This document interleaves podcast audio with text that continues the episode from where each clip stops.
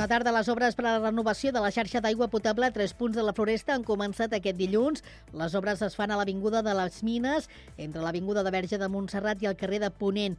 A l'Avinguda del Montseny, entre el carrer de Pujolà i l'Avinguda de Pere Planes, hi ha un tram de l'Avinguda de Pere Planes fins al camí de Can Codon. La renovació s'executa perquè són trams de la taxa amb avaries recurrents i per poder garantir la pressió als habitatges que ja estan connectats.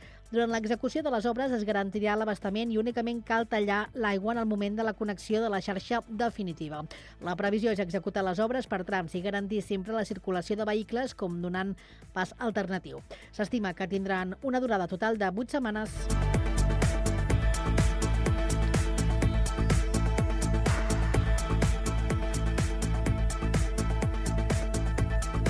El diari digital de l'Economia Social i Solidària, Jornal.cat, celebra el seu primer any de vida dijous 1 de febrer a l'Escola Tècnica Superior d'Arquitectura del Vallès, a Sant Cugat. Ho farà amb l'acte Comunicació amb Valor, Creem Comunitats Conscients i Cohesionades, una jornada de ràdio en viu per reflexionar sobre la comunicació com a eina per millorar la realitat de les persones. La cita l'organitza el diari digital conjuntament amb les entitats santcuatenques La Sembra i la Politja.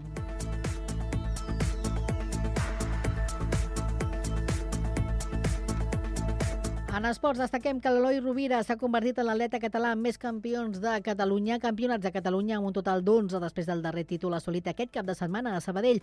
L'atleta Sant Cugatenc i capità de la secció del Futbol Club Barcelona s'ha imposat a la competició amb una millor marca personal de 16,45 metres, fet que suposa el nou rècord estatal de la prova a la categoria de més de 40 anys. Rovira valora a hores d'ara si participarà a la Campionat d'Espanya Absolut que es disputarà a Galícia al febrer.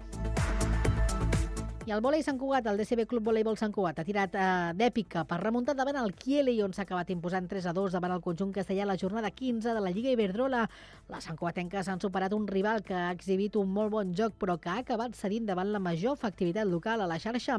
Les de Rafa Ruiz ocupen la tercera plaça i ja preparen el debut a la Copa de la Reina, que serà divendres a les 5 de la tarda a Sevilla, davant l'Aro Rioja, a els quarts de final de la competició del CAU.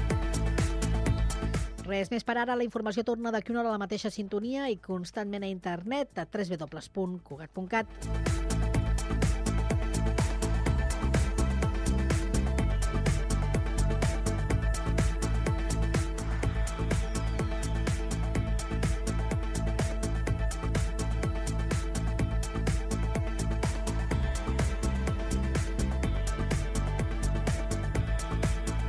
Mèdia, la informació de referència a Sant Cugat.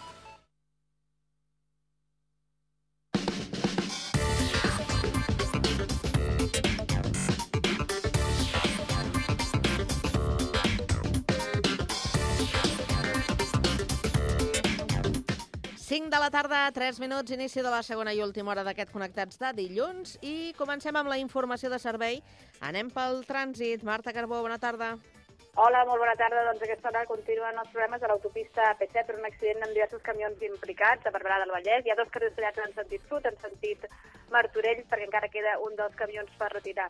Uh, això provoca retencions des de Mollet de Vallès fins a Caspuri, també en sentit nord per la Feita Badoc hi ha cues entre, entre Cerdanyola i, Moll i, i, i, i Barberà, com dèiem, en sentit Girona.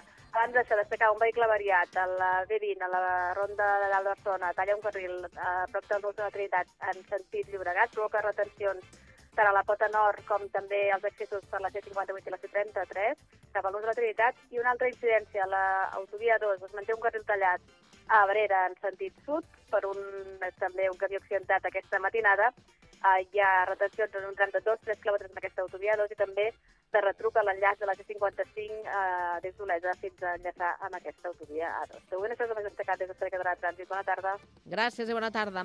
I del trànsit al transport públic, anem al Transmet. Albert Garram, bona tarda. Doncs a hores d'ara parlem de normalitat a la xarxa de transport públic de l'àrea metropolitana. Els principals operadors de transport no han informat de cap incidència destacable a banda de les ja existents per obres a les línies R3 i R4 de Rodalies, així que les diferents línies funcionen sense cap alteració destacable i es mantenen les freqüències i horaris habituals tant als serveis ferroviaris com de bus. De moment això és tot des del Transmet. Bon dia!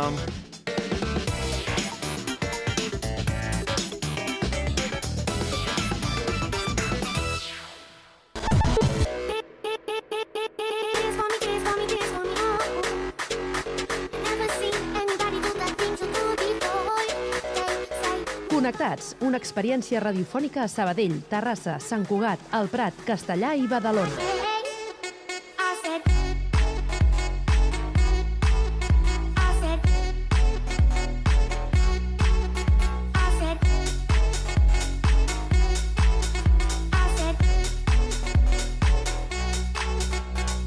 Connectats amb Carme Reverte.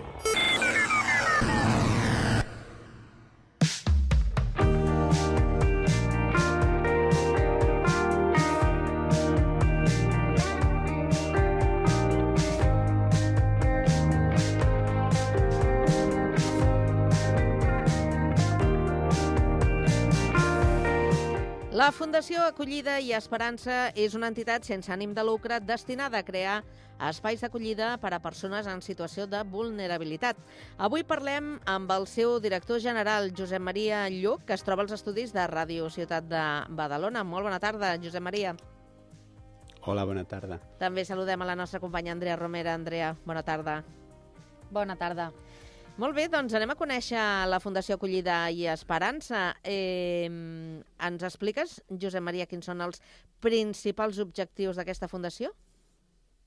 El principal objectiu d'Acollida Esperança és generar oportunitats de millora per persones en situació d'exclusió social, sobretot perquè millorin la seva qualitat de vida i recuperin la seva autonomia dintre del possible. Uh -huh. I teniu algun perfil eh, concret de persona que acudeix a la vostra entitat? Uh, inicialment vam començar acompanyant a persones uh, en situació amb, amb VIH-Sida, quan, la, quan hi havia pandèmia del SIDA als anys 90, uh -huh. Uh, en situació d'exclusió social. I ara continuem acompanyant aquestes persones, però el perfil és molt més general i molt més divers. Però el tret comú de totes les persones que acompanyem és que necessiten una, una ajuda, necessiten una mà amiga que, per en sortir-se'n d'algun moment dificultós de les seves vides. De fet, sou una, una entitat eh, longeva, ja porteu uns quants anys eh, en funcionament, des de la dècada dels 90. Explica'ns una mica com es va produir el naixement de la Fundació Acollida i Esperança. Mira, Acollida d'Esperança neix de, gràcies al Josep Costa Planagumà, que era un frare franciscà, i Sor Genoveva Massip, que era una filla de la Caritat de Sant Vicenç de Paul.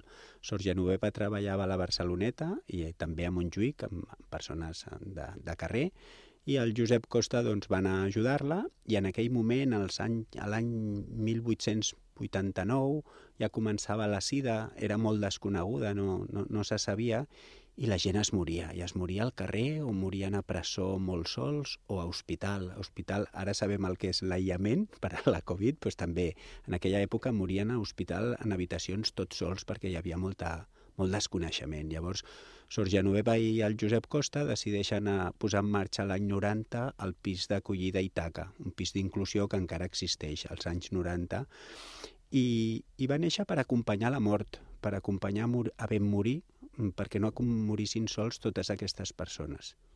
Mm. Comentaves que l'entitat va néixer a Barcelona, concretament a la Barceloneta i a Montjuïc.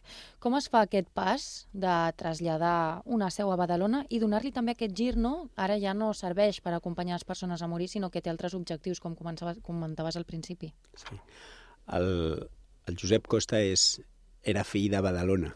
Llavors, Itaca sempre estava ple, és una casa, és un pis al, al, al barri gòtic de Barcelona amb vuit places i com sempre estava ple i ell va decidir que, que bueno, va demanar a l'Ajuntament d'aquell moment de Badalona si, li, si cedien una, una casa, una masia gran per poder acollir i acompanyar més persones.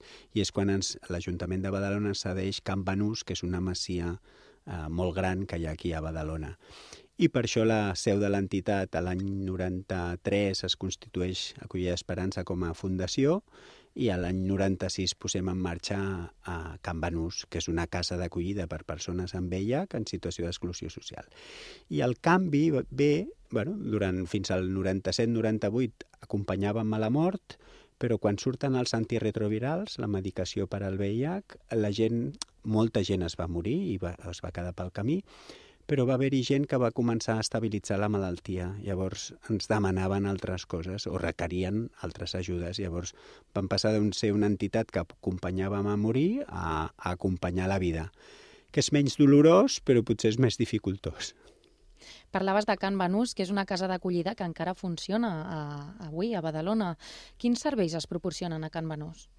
Doncs a Can Banús el que fem primer de tot és cobrir necessitats bàsiques de, de sostre, d'un lloc de, de seguretat on et trobis tranquil, eh, també les necessitats d'alimentació i de medicació i de roba si cal, i sobretot hi ha un acompanyament socioeducatiu i també sanitari perquè les persones puguin recuperar-se. Jo dic que és com un taller mecànic. Mm -hmm. Doncs a vegades hi ha gent que necessita sis mesos, però hi ha gent que necessita dos anys de poder-se aturar en la seva vida, no haver-se de, de preocupar per, per, les necessit per cobrir les seves necessitats bàsiques i poder-se recuperar tant físicament com emocionalment i psíquicament. No? Llavors és moment per començar a prendre medicaments si no estàs prendre la medicació del VIH o començar a tornar a tenir relació amb la teva família, tornar a establir ponts de relació o fins i tot doncs, recuperar-se emocionalment, que si has viscut al carrer mm, necessites uns temps de seguretat i un temps de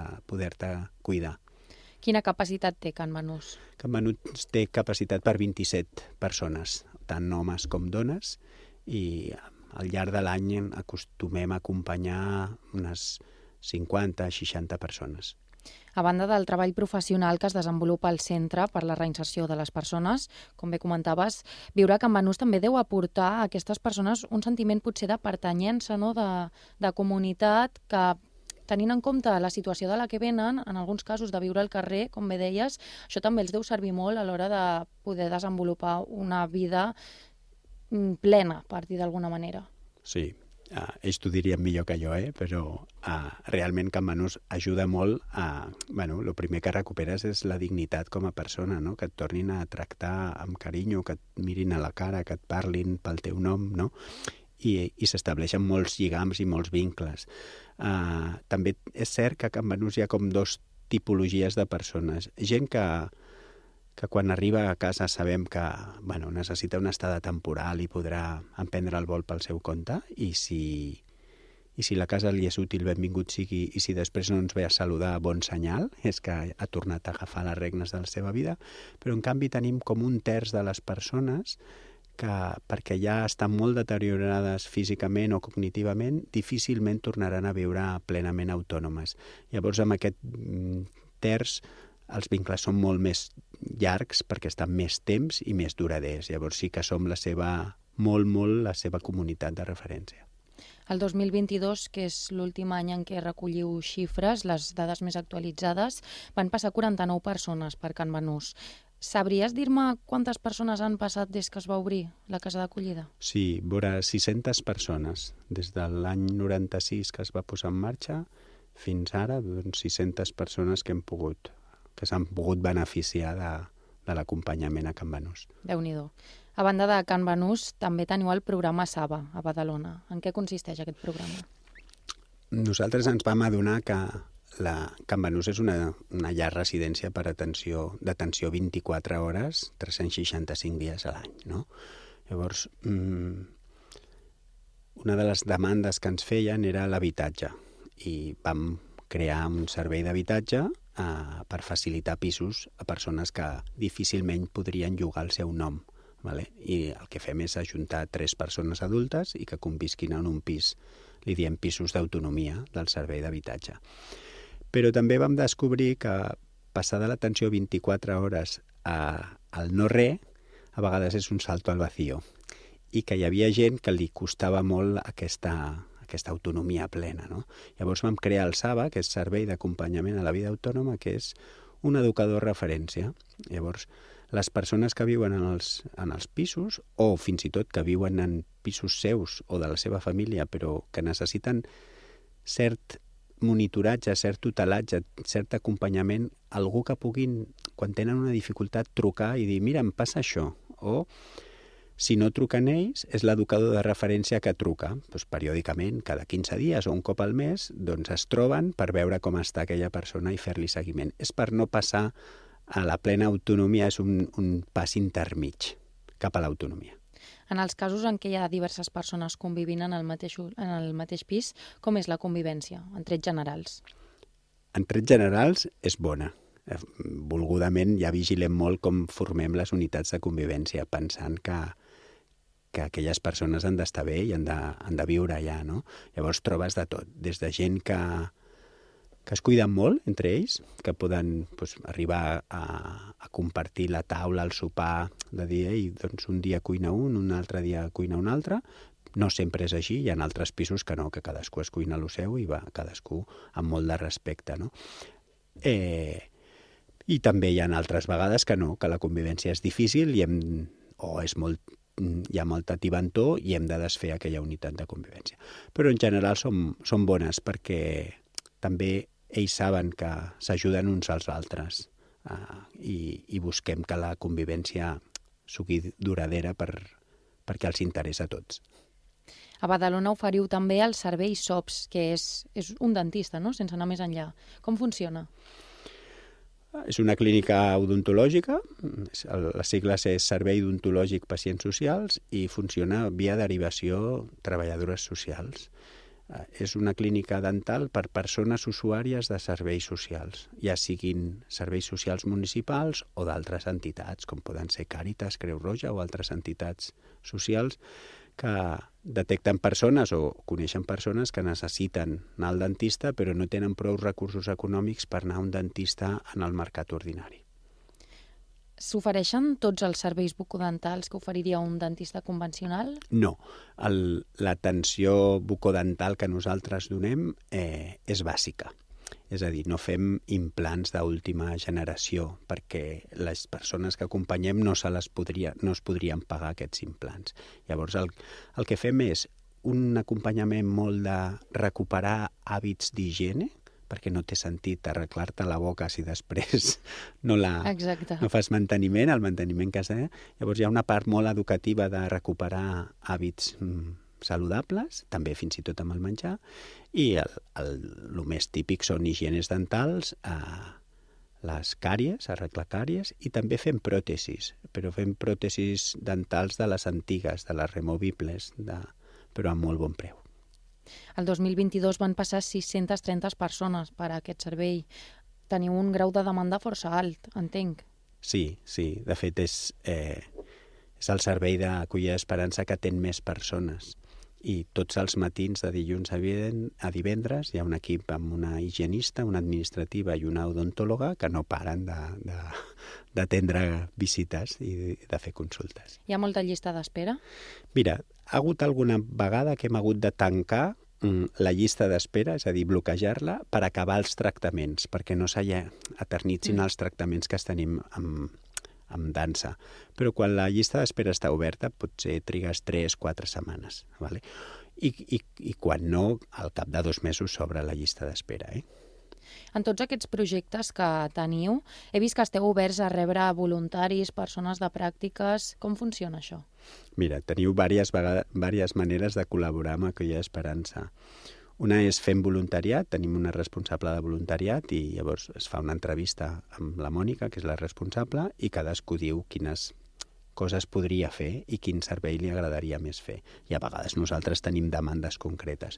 Una altra manera de col·laborar és eh, facilitant-nos clients per Mansol. Mansol és un dels altres projectes que tenim a Badalona, que és un centre especial de treball que fan manipulats industrials i sempre ens falten clients que ens encarreguin feines. No? Una altra manera de col·laborar és fer un donatiu econòmic o una altra és eh, seguir-nos a les xarxes i fer difusió de la, de la feina que fem. Josep Maria, com és important eh, aquesta feina que, que feu i al llarg del temps heu atès a moltíssimes eh, persones, en, tant en el servei de dentista que ara que parlàvem, com a la casa de Can Benús, però no ho feu només a Badalona. Quines altres poblacions eh, oferiu aquest servei? A Barcelona i a la Bisbal d'Empordà.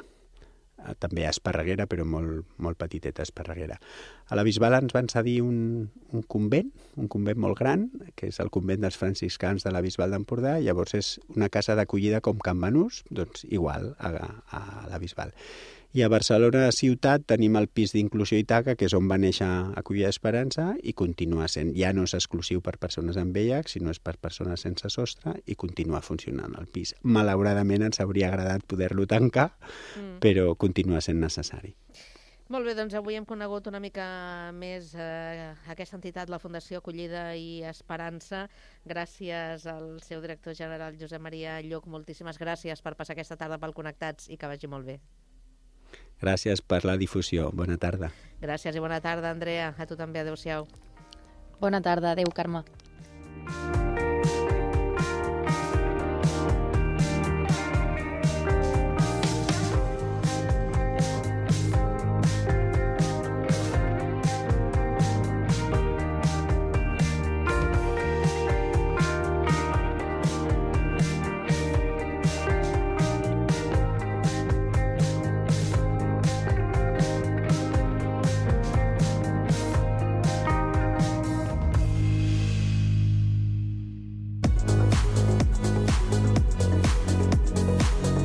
Tarda, de 4 a 6, Connectats. Una experiència radiofònica a Sabadell, Terrassa, Sant Cugat, Castellà, El Prat i Badalona.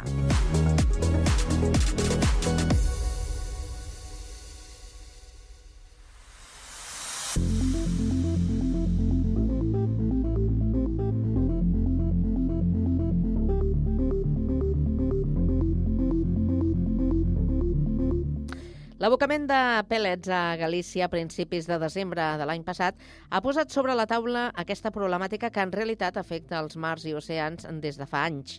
L'accident la, a les aigües gallegues ha provocat que aquestes boletes hagin anat arribant a diferents eh, costes espanyoles i des de fa setmanes moltes persones treballen per netejar-les amb totes les dificultats que comporta. Tanmateix, aquests eh, pèl·lets eh, també es poden trobar habitualment a costes catalanes, com ara al Prat de Llobregat. Marxem fins allà per parlar d'aquests microplàstics amb la nostra companya del Prat Ràdio, eh, Rocío Santa Eufèmia. Bona tarda. Bona tarda. Cada any cauen al mar 230.000 tones de pèl·lets. Es tracta d'un tipus de microplàstic que pot tenir greus conseqüències físiques i químiques per l'ecosistema marí i és cal tenir una aparença similar als ous de moltes espècies i ocells i peixos que se les mengen.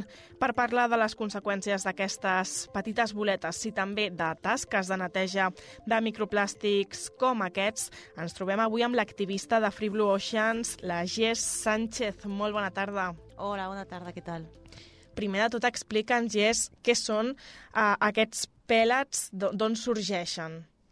Bueno, los pellets en realidad es la materia prima con la que, que se utiliza para realizar productos de plástico.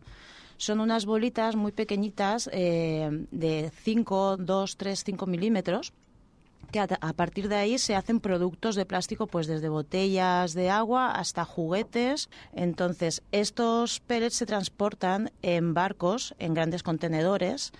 Y la problemática que están sufriendo ahora es que eh, cuando hay vertidos de estos plásticos, eh, contaminan tanto las costas como los mares y es muy difícil retirar esos plásticos debido a su tamaño. Clar, perquè de fet eh, són la segona causa de contaminació per microplàstics. Moltes vegades sí que hem parlat de com afecten aquests microplàstics al mar i sembla que ara aquest accident a Galícia ha posat sobre la taula a la problemàtica dels pèl·lets, però en realitat ve de lluny. Ja fa anys que afecta els nostres mars i oceans. Sí, totalmente. A raíz de que se ha movido por redes sociales y ha llegado los medios de comunicación, vemos que prácticamente cada día están saliendo en las noticias información sobre los pellets y sobre la problemática que ha habido en Galicia, pero es, esto es algo que llega ya años y años y años. O sea, nuestras playas, en la, nuestras costas, están llenas de pellets. Sin ir más lejos, la playa del Prat siempre puede recoger pellets. Solamente hay que pararse un momentito a observar.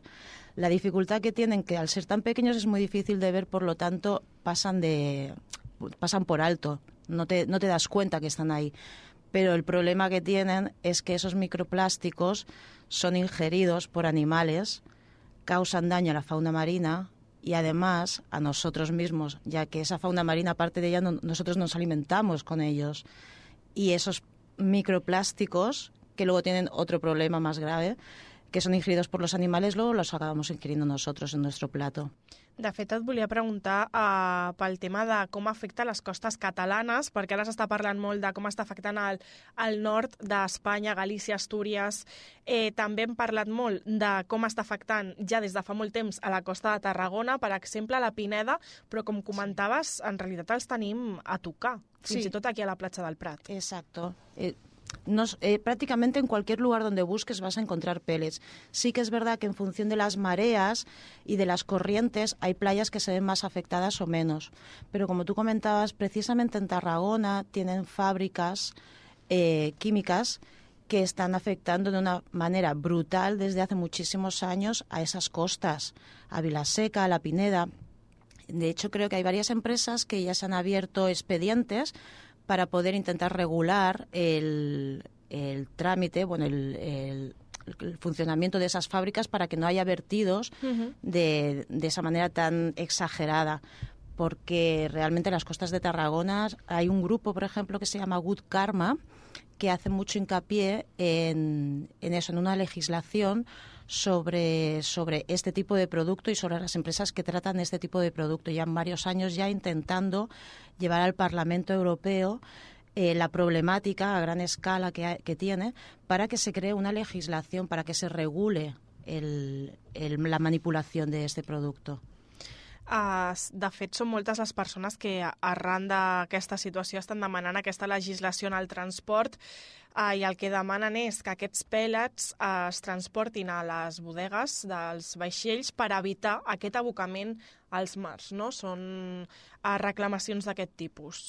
Sí, de hecho, hay, bueno, yo a través de, de, de seguir y de leer artículos de Good Karma y de Subrider, eh, he visto que sí que hay eh, un programa, pero es un programa totalmente voluntario al que se pueden adherir las empresas, que se llama Ocean Clean Sweep, que lo que hace es que regula mm, varias cosas, pero principalmente regula dos cosas. Una, que las, los containers donde van los pellets en estos grandes barcos se coloquen en la parte más baja de bodega para evitar que puedan caer con más facilidad, ya que los que están arriba son obviamente los que, los que tienen más riesgo de caer al, al mar.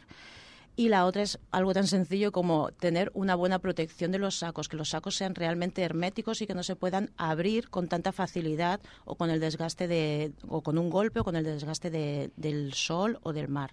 Entonces simplemente es un empaquetado que realmente sea eh, firme, que, que sea sólido y que a la hora de transportarlo se lleve en la parte de abajo de la bodega del, del barco. Son dos cosas súper sencillas y que a día de hoy es, eh, hay algunas empresas que se adhieren a ese programa, pero es de forma totalmente voluntaria. Eso podría ser eh, una implementación que tendrían que hacer, eh, una regulación que fuese obligatoria, porque es sencillo, no es nada, no es ninguna barbaridad, me refiero, es una cosa muy sencilla de hacer.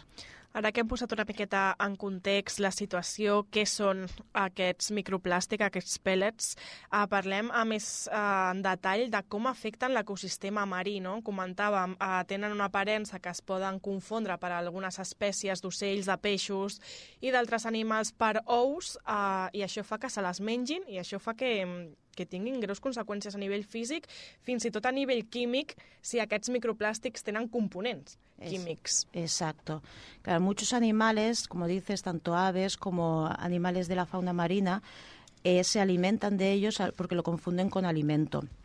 Entonces, él crea un problema directo a la salud de este animal. Estos animales también son eh, alimento de otros animales más grandes y también son alimentos de las personas. Entonces, eh, ¿cuál es el problema de, de este material?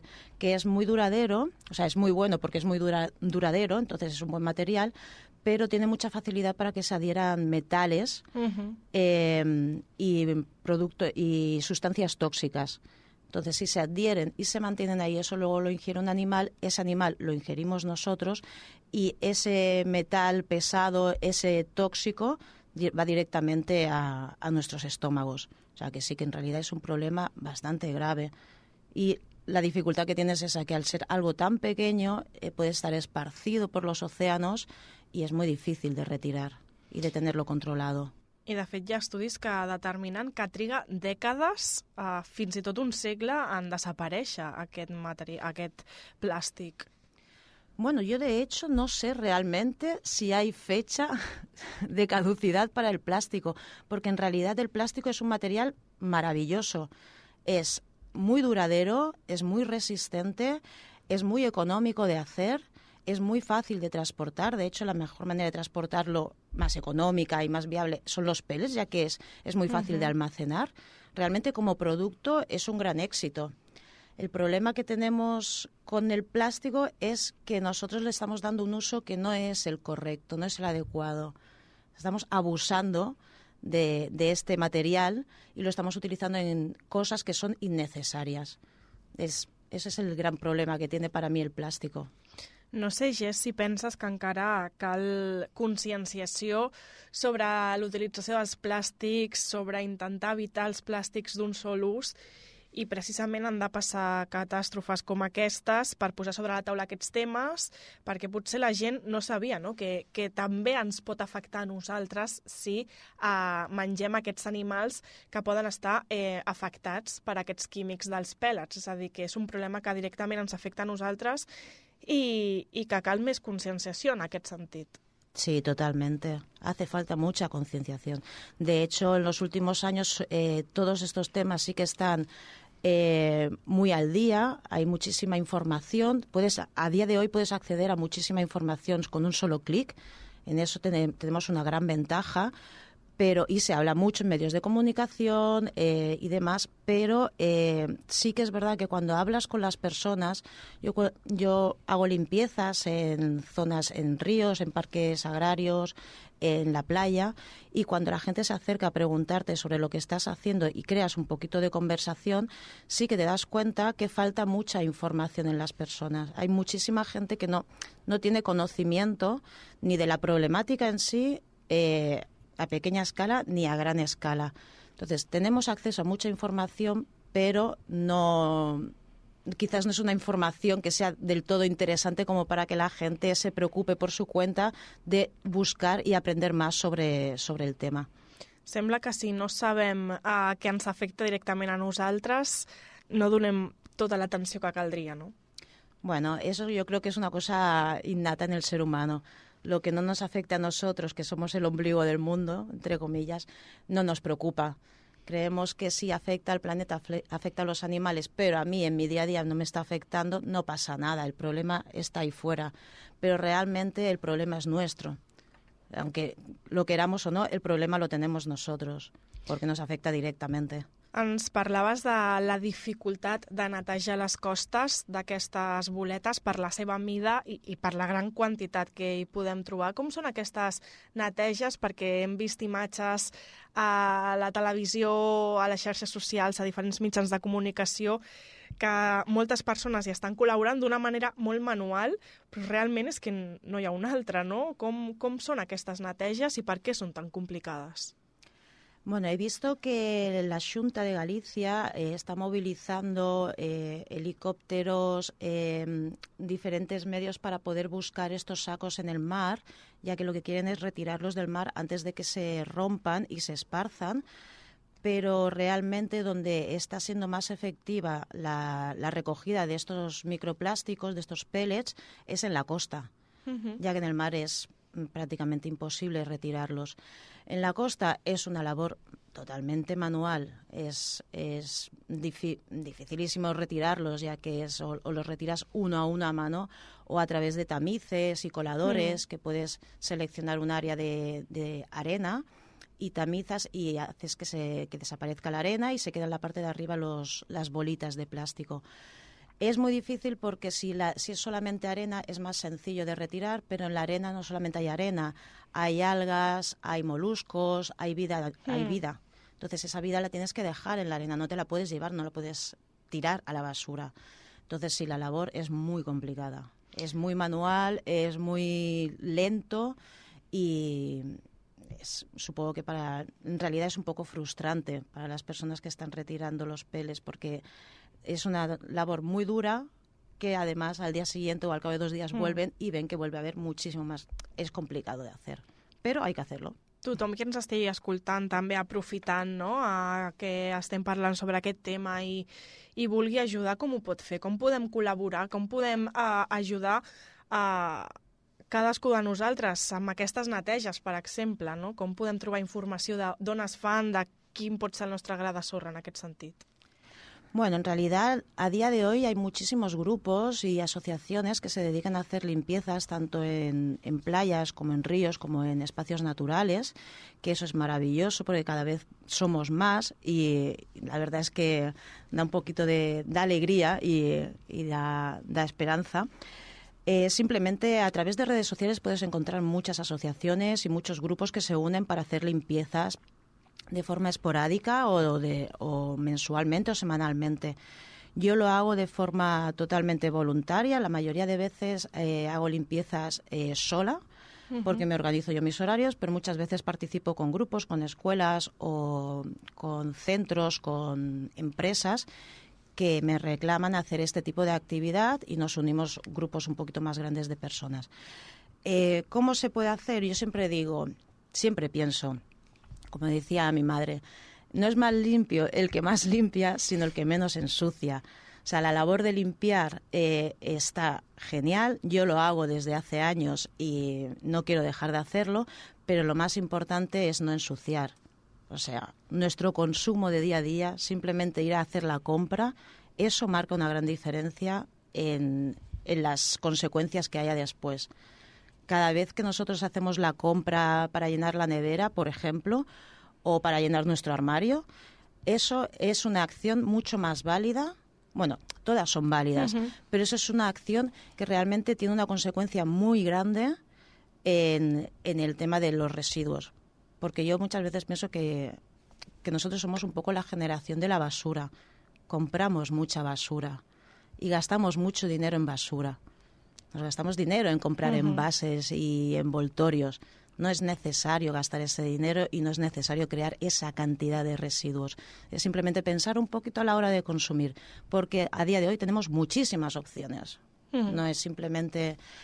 Sí que es verdad que hace 30 años no era tan fácil, pero también teníamos otros hábitos que eran más saludables de los que tenemos ahora. Entonces, simplemente pensar un poquito a la hora de tomar una acción. Eso, para mí, es como lo primordial, lo básico. Doncs ens quedem, Jessica, amb aquest missatge.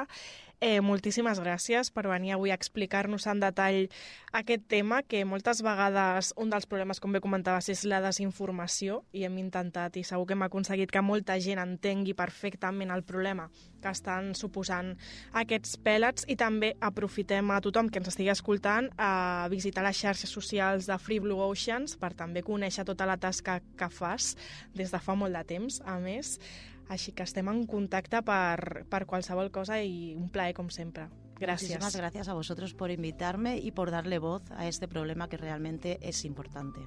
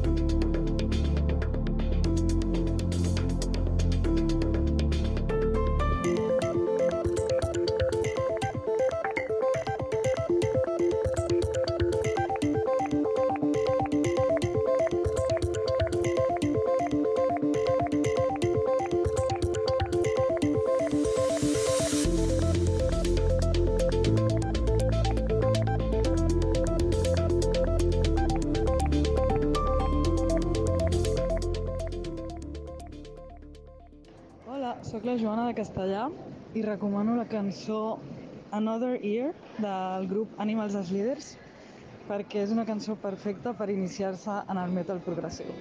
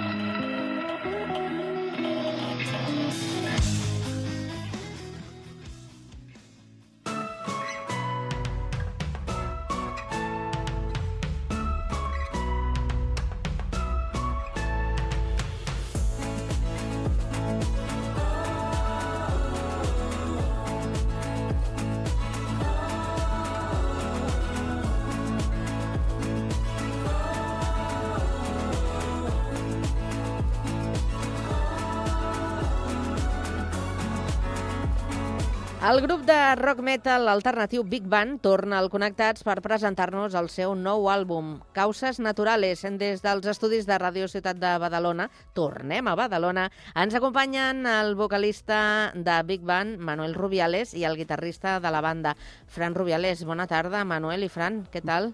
Bona tarda. Bona tarda. Germans, eh? Això ho hem de recordar, perquè si no diran... Sí, això sí sou germans i compartiu aquesta passió per la música i integrants d'aquesta Big Band, que ara ara parlarem del, del nou treball. Saludem de nou l'Andrea Romera, que abans l'he acomiadat, no recordava que ens havíem de tornar a, a parlar i la tenim amb nosaltres. Andrea, ha passat una estona. Bona tarda una altra vegada. Molt bé.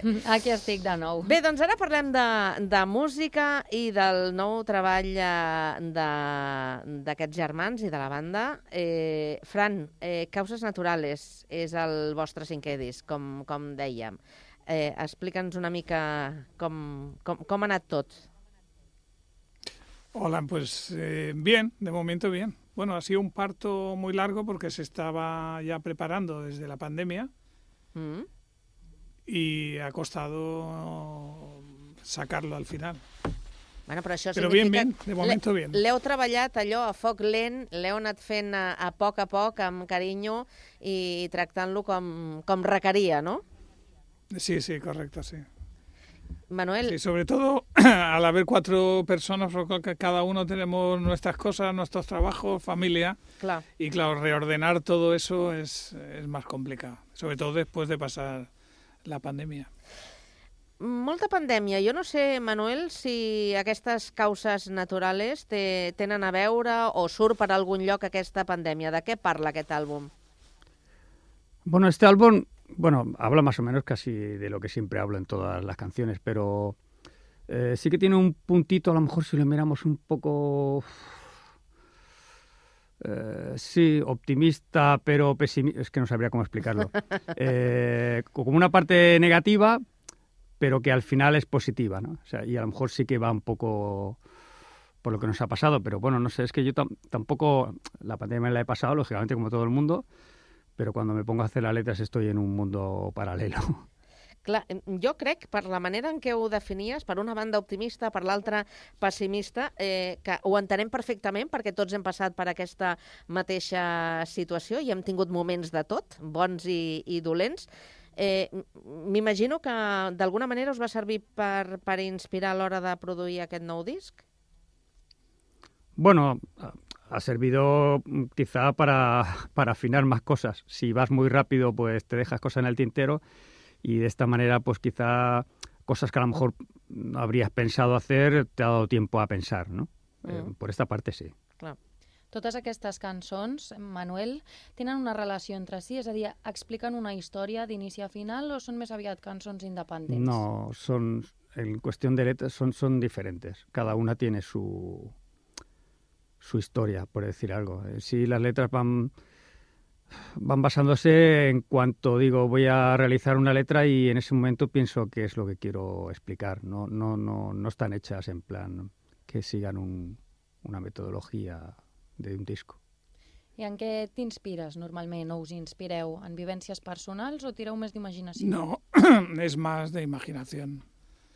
Es, mucho más de imaginación. Igual, en el fondo son muchas son canciones de amor y desamor, que es como lo que está hecho el 99% de todas las canciones. Lo que pasa que se le da una vuelta de tuerca así más metafórica, eh, oscura, pero en realidad son canciones de, desamor o amor algo así. ¿eh? Un Però dándole la vuelta. Eh? Un sentiment molt intens, de fet, l'amor i el desamor, que són molt inspiradors. Per això sí. dius no, que moltes cançons tracten sobre això. Nosaltres anem a escoltar un tros d'una de les vostres cançons d'aquest nou àlbum. La cançó es titula A quién le temes? A veure si podem sentir un petit fragment. Ara l'escoltem de seguida.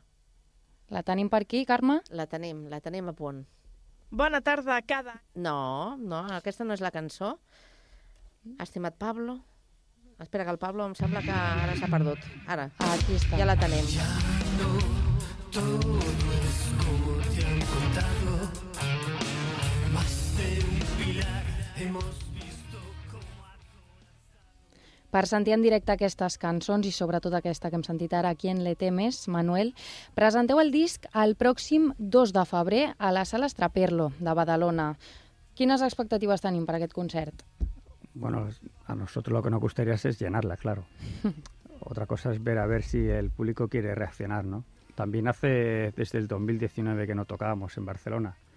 O sea que, bueno, la expectativa es que pueda haber bastante gente. Pero tal como está el panorama musical y, bueno, del arte en general, es bastante complicado. La mayoría de las personas, no sé el por qué, pero prefieren ir a grandes eventos y a los pequeños les cuesta ir. Pero bueno, hay que ser cabezón y seguir. Per què això? Fran, ho saps? Perquè els que són així més petits potser són més intensos, no? Estàs més a prop de l'artista i és més divertit. Sí, lo que pasa es que hay, en realidad hay mucha oferta. ¿eh? Un viernes o un sábado, igual hay 15 o 20 conciertos en una ciudad, en una ciudad como Barcelona. Badalona porque tiene muy poca oferta Mm. de, para tocar en ningún sitio. Entonces la gente está como muy disgregada y, y cuesta, cuesta salir. Si no eres un poco famosito, cuesta salir aunque sean entradas económicas, pero yo, creo que cuesta salir. Y luego también depende del estilo de música. Hacemos un estilo de música pues, porque los chavales jóvenes, pues la verdad es que no, no, no, no, no les conecta por lo que sea. Entonces arrastrar a gente ya un poco mayor cuesta más, cuesta más. Ara que parlaves d'entrades, Manuel, ja estan a la venda les vostres entrades per a aquest sí, concert? Sí, sí, la tenemos online en entradas.estraperlo.club, que es la por donde se compran las entradas en la propia sala. Ah, en anticipadas son 10 euros más la comisión, que creo que es 0,80, o sea que es muy económico. Y en taquilla es a 12 euros, o sea, yo creo que son bastante económicas. Doncs aquí està. Uh, les entrades pel, pel pròxim, recordem, 2 de febrer, a la sala Estraperlo de Badalona. És el primer cop que toqueu en aquesta sala, Fran? Eh, uf, digamos que sí, porque la otra vez hace muchísimo, ¿no? No, hace muchos no, años. era otra sala de al lado. Ah, ¿ves? bueno, sí, se llamaba de otra forma, bueno. Pero sí, bueno, vamos a decir que sea la, que sea la primera también. Y también de que, bueno, decir que viene un grupo de Valencia también como soporte o, o- o invitados, eh, que son Stereophonics, y que mm, creo que vale la pena también por ellos. O sigui que tenim doble show. Sí, sí, sí, sí. Entrades Hacemos per un, un intercambio, porque luego a final de mes eh, nosotros vamos a Valencia. Això us volia preguntar, aquest concert també serà el tret de sortida de la vostra gira. Sí, Com es presenta aquesta gira? Bien, como he comentado, luego el día 28 creo que es, eh, 20 28 puede ser de febrero. Bueno, hacemos Valencia, luego en junio estaremos en Madrid, en septiembre volveremos ya a Barcelona, Barcelona, y entre medio estamos aún negociando qué podemos hacer, Zaragoza, Al- Andalucía puede ser, para primavera, pero bueno, se está mirando todavía. Déu-n'hi-do, teniu diverses dates, aleshores. Sí, sí, sí. Por aquí, por Cataluña, creo que estas van a ser las únicas en principio. Quan durarà aquesta gira? Pues hasta que Hasta que aguante, hasta ¿no? que aguante. Son, son, no, son, no son, le llamamos gira porque queda muy bonito, pero en realidad son escapadas de fines de semana, ¿eh? O sea, un fin de semana, pues vamos un viernes a tocar o un sábado, lo que pasa que le llamamos gira, pero son excursiones. ¿eh? Para los grupos como nosotros son excursiones de fin de semana. És el vostre cinquè àlbum, Manuel, per tant, no és la vostra primera gira. Ja teniu experiència sí, en això. sí, sí, sí. Por eso lo dice él, que son excursiones. Eh, la, sí, cada disco ha sido una aventura diferente, un parto diferente, y en cada una de ellas hemos intentado ir tocando por diferentes sitios. Al principio sí que que queríamos, hacíamos mucho Barcelona y vamos a muchas salas, pero te dabas cuenta que en cuanto tocabas la primera, la segunda iba menos gente, la tercera menos gente, entonces al final acabas decidiendo que tienes que ir fuera, tienes que hacer Madrid, tienes que hacer Valencia, tienes que hacer Zaragoza, tienes que hacer Lleida. Sí, pero la- las justitas, Pero o sea, las- no quemarnos haciendo muchos conciertos pequeñitos y con po- al final acabas quemado un poquito. Entonces preferimos hacer grandes ciudades y un poquito más espaciadas y no matarnos ahí eh, haciendo malas cosas. Però igualment, aquest, a, aquests concerts que, que ara dèieu, a ciutats grans, Eh, continuen sent concerts eh, petits, de petit format? Vull dir, Sí. Sí, ¿no? Sí, sí, sí, en sala pequeña y compartiendo con bandas de, de por allí. Es es nuestra, nuestra táctica y, y como la mayoría de, Es- que de, el- de el- grupos así de sí, nuestro nivel. el format- de formato, sí. Si- Si no tienen que ser festivales, festivales es un, es un, no sé, está todo muy vetado. Ja. No se puede, es de- difícil entrar en festivales. Uh -huh. Heu tocat mai a un festival, vosaltres? No. Bueno, en festivales pequeños como el Totum y Ah, bueno, sí, sí, sí, pero en festivales formato, formato grande eh, es imposible, es imposible. Eh, entre que somos un millón de bandas y está vetado a los cuatro que tienen las cuatro agencias, así directamente. o sea, Entonces, eh, no hace falta ni que envíes el currículum. Vosaltres sou músics independents, entenc. Sí. Sí, sí, sí. Este disco ha sido sacado con una discográfica pequeñita, y, pero bueno, pero es, es músico independiente. Sí, sí, yo, es Juan Palomo. Yo me lo guiso, yo me lo como. Tornant al tema de les excursions, preferiu, preferiu dir-li així que no pas gira, Mhm. quina és la ciutat que més, més us agrada per tocar? Oh, pues yo creo que cualquiera, porque en cualquiera siempre Zaragoza estuvo muy bien en el 2019 que hicimos. Muy buena gente, Lleida también. Es que en cada sitio, incluso Madrid, en cada sitio encuentras siempre algo, algo bonito. Sí. Ya no es por la cantidad de gente que llenes o no llenes, sino el ambiente, conocer gente nueva. no Por sé. eso lo de Andalucía, que no habíamos bajado nunca, es la baza, es, es lo que queremos ahora ir. Sí, porque hay mucha hace gente que nos pregunta, ¿vais a venir aquí? Y bueno, sí, lo mismo nos llevamos una sorpresa y Andalucía es donde más se llena, pero hay que, hay que verlo, ya contaremos. Tinc una, tinc una curiositat més, eh? amb el permís de, de l'Andrea. Eh, quan, Endavant. quan, quan voleu lligar un concert en, en aquestes eh, ciutats, com que comenteu que feu intercanvi amb altres eh, bandes, això com ho gestioneu? Entre vosaltres? Teniu algun intermediari? Com va? No, no, no, no, entre, entre nosotros. Nos ponemos en contacto a través de Instagram o Facebook y, y- y miramos fechas. Pues- pues hemos encontrado por aquí, para allá, incluso nos buscamos hotel, más o menos. Oye, pues mira este hotel por aquí que creo que está bien y es barato.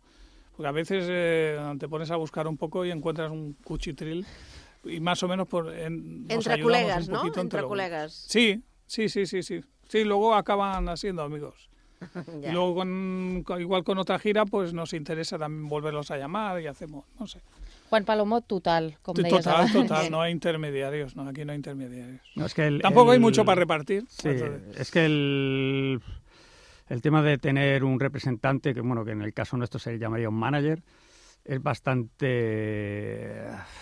Bueno, los hemos tenido, ¿eh? para, cada, para cada gira hemos tenido uno diferente y no nos ha salido bien, porque acaba haciendo lo mismo que hacemos nosotros y entonces para eso pues mejor hacértelo tú solo. Mhm. Bé, doncs, eh, com que res, hem posat una mostra només, aprofitarem eh, el tram final del programa, els últims minutets, per escoltar aquesta peça, aquesta cançó, a Quien le temes, que forma part de, del disc i sonarà en aquesta gira o excursions que vosaltres eh, fareu per arreu d'aquestes eh, ciutats eh, espanyoles. Eh, escolteu, que, que vagi molt bé, que vagi Gràcies. molt bé, que ho gaudiu, perquè jo crec que per vosaltres és el principal, que, que és una cosa que feu perquè, perquè us agrada, perquè, perquè us, dona, us dona la vida.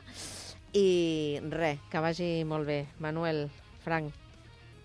Pues muchísimas muchas, gracias. muchas gracias. A los dos. I, uh, I gràcies a vosaltres i també a l'Andrea. Andrea, ara sí que ja és fins demà, eh? Ara ja... Ara sí. Tancarem el Ens programa. demà.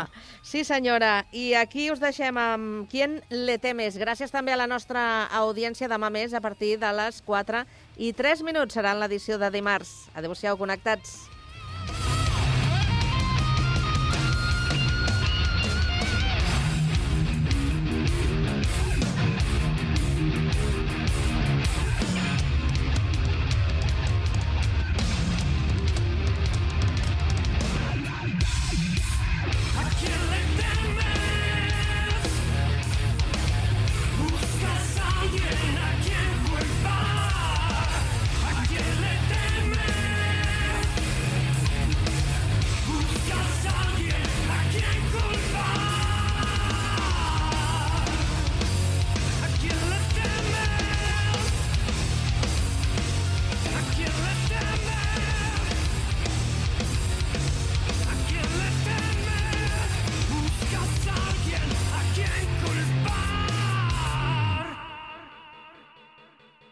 La música més propera a tu a Ràdio Sant Cugat.